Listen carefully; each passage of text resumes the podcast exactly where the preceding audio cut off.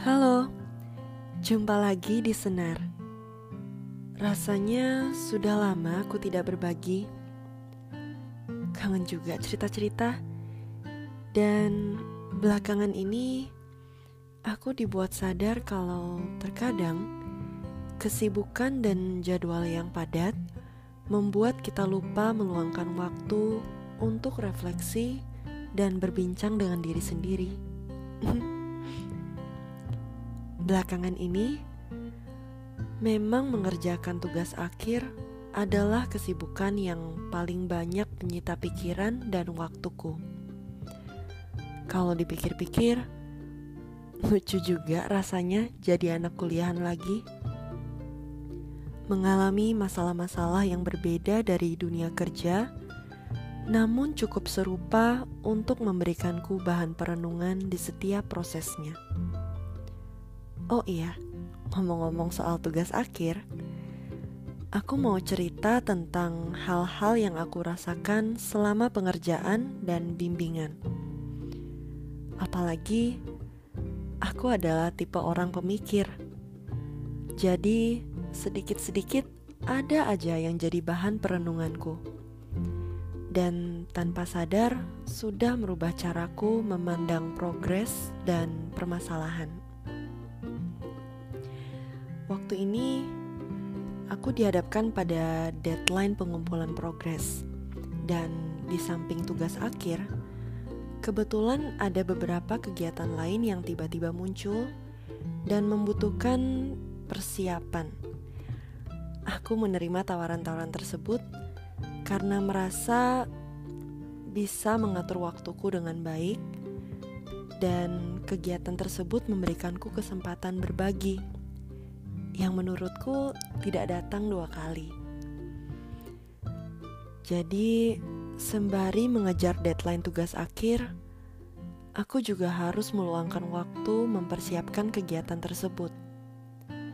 Ada juga pengerjaan laporan dan lain-lainnya. Hmm, mungkin kalian sudah bisa menebak. Iya, aku kewalahan Bahkan, banyaknya kegiatan tersebut mempengaruhi kualitas tugas akhirku yang seharusnya menjadi prioritas utama, yang jadinya malah dikorbankan dan terburu-buru. Di kala itu, aku sempat merasa kecewa terhadap diriku yang seolah melalaikan tugas utamaku di sini. Ditambah lagi, setelah kukumpulkan progres itu sesuai deadline, dokumen itu dikembalikan dengan banyaknya revisi dan hal yang harus kubenahi.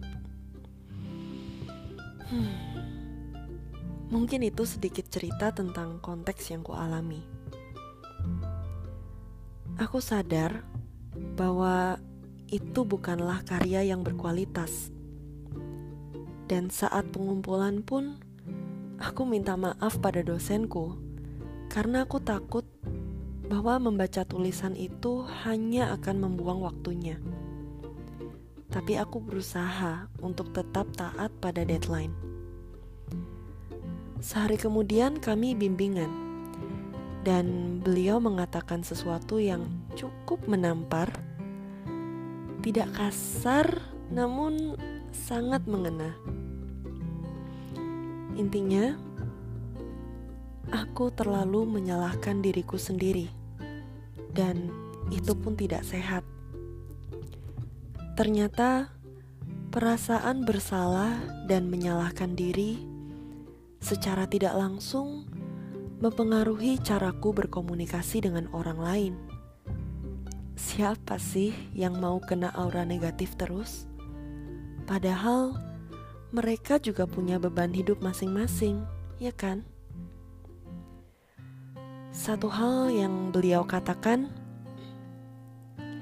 bahwa sebagaimanapun kita ingin menghargai suatu proses dan tidak melihat hasil saja, kesalahan dan kegagalan adalah hal yang wajar.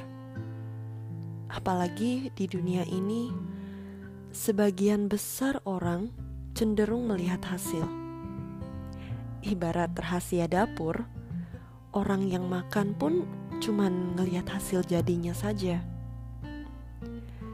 Jadi, apa pun yang terjadi selama prosesnya, memang hanya kita yang paling merasakan pembelajarannya.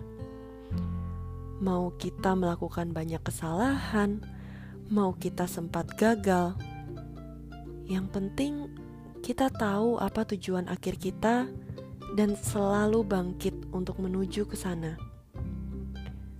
Beliau mengingatkan bahwa salah satu cara kita menghargai suatu proses adalah dengan menerima kegagalan diri dan mau berbenah. Hmm, simple, mungkin sangat familiar di telinga kita, atau mungkin kita semua tahu itu, tapi sering kali kita lupa karena kita tidak ingin mengecewakan orang lain atau mungkin diri sendiri.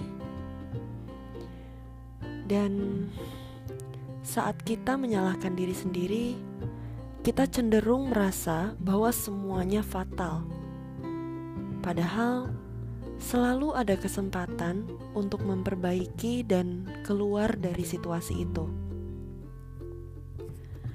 Kadangkala kita merasa apa yang kita lakukan belum cukup bahwa kita seharusnya bisa melakukan yang lebih.